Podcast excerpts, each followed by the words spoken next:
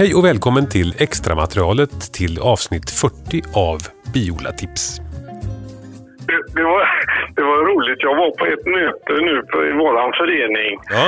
Eh, och där är så mycket nytt folk och jag känner ju inte mer än de gamla snart. Eh, och så blev jag sittande bredvid några damer som, som jag inte riktigt kände. Och ja, vi, presenterar väl oss aldrig riktigt utan vi pratar som man gör. Man blir, sittande bredvid varandra. Ja. Och så efter ett tag så sa hon Eh, För då hade jag lagt mig i någonting i mötet där.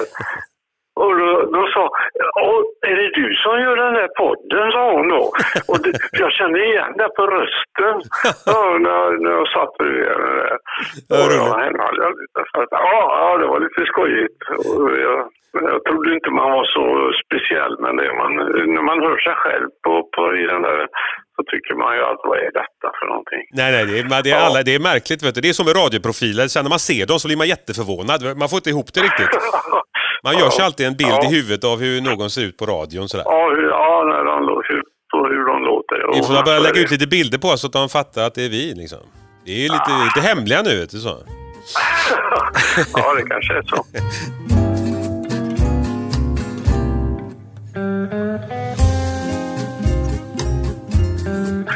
skulle få låna min eh, bok. Jag har en, en eh, bok av Carl von Frisch. Ja, vad Han var fick det? Det sa du något om. Binas liv. Eh, jag köpte en gång en gammal, eh, den är, ja, själva boken. Är. Och, och är, han har skrivit om sina experiment och grejer. Den är från 74 i den här boken tryckt. Mm. Men den är väl, eller ja. Och det han berättar om är säkert eh, äldre då. Ja, 69. Aus dem Lebender Bienen. Originalets titel, ja. Ja, 69 är den tydligen skriven. Och jag vet inte, 48, 53, 59, den är, måste, den är många utgåvor på den. Men det är hans eh, eh, forskning och, han, det var ju han som löste hur de kommunicerar bina, alltså hur de kan eh, överföra information mellan sig. Det. Var det finns nektardrag och sånt Ja. där. Och, och i- en gång så skrev jag ett kapitel här om Eh, i våran bitidning och det kom med sen i eh, riksförbundstidningen. Eh, Jag citerade honom egentligen. Jag tog ju inte åt mig äran på det viset.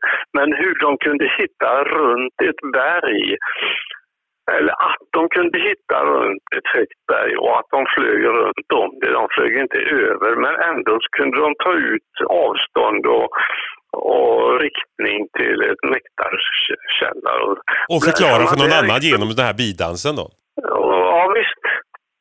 Hur, ku- hur kunde man säga att ni ska flyga runt, inte över? Ja, precis. Hur sjutton kan jag fatta det? Ja, så han har ju massa, och så har han ju matat dem på olika ställen. Så, och hur han har gjort det. Men den är ganska intressant. Om du Ja. nu kan jag hitta på till nästa gång så du kan, kan du titta och göra något avsnitt av det. För det är inte många som har, som har läst den där tror jag numera. Nej, nej. Men det är skitintressant. Den här bidansen är ju fascinerande verkligen. Ja, ja visst den är ju det.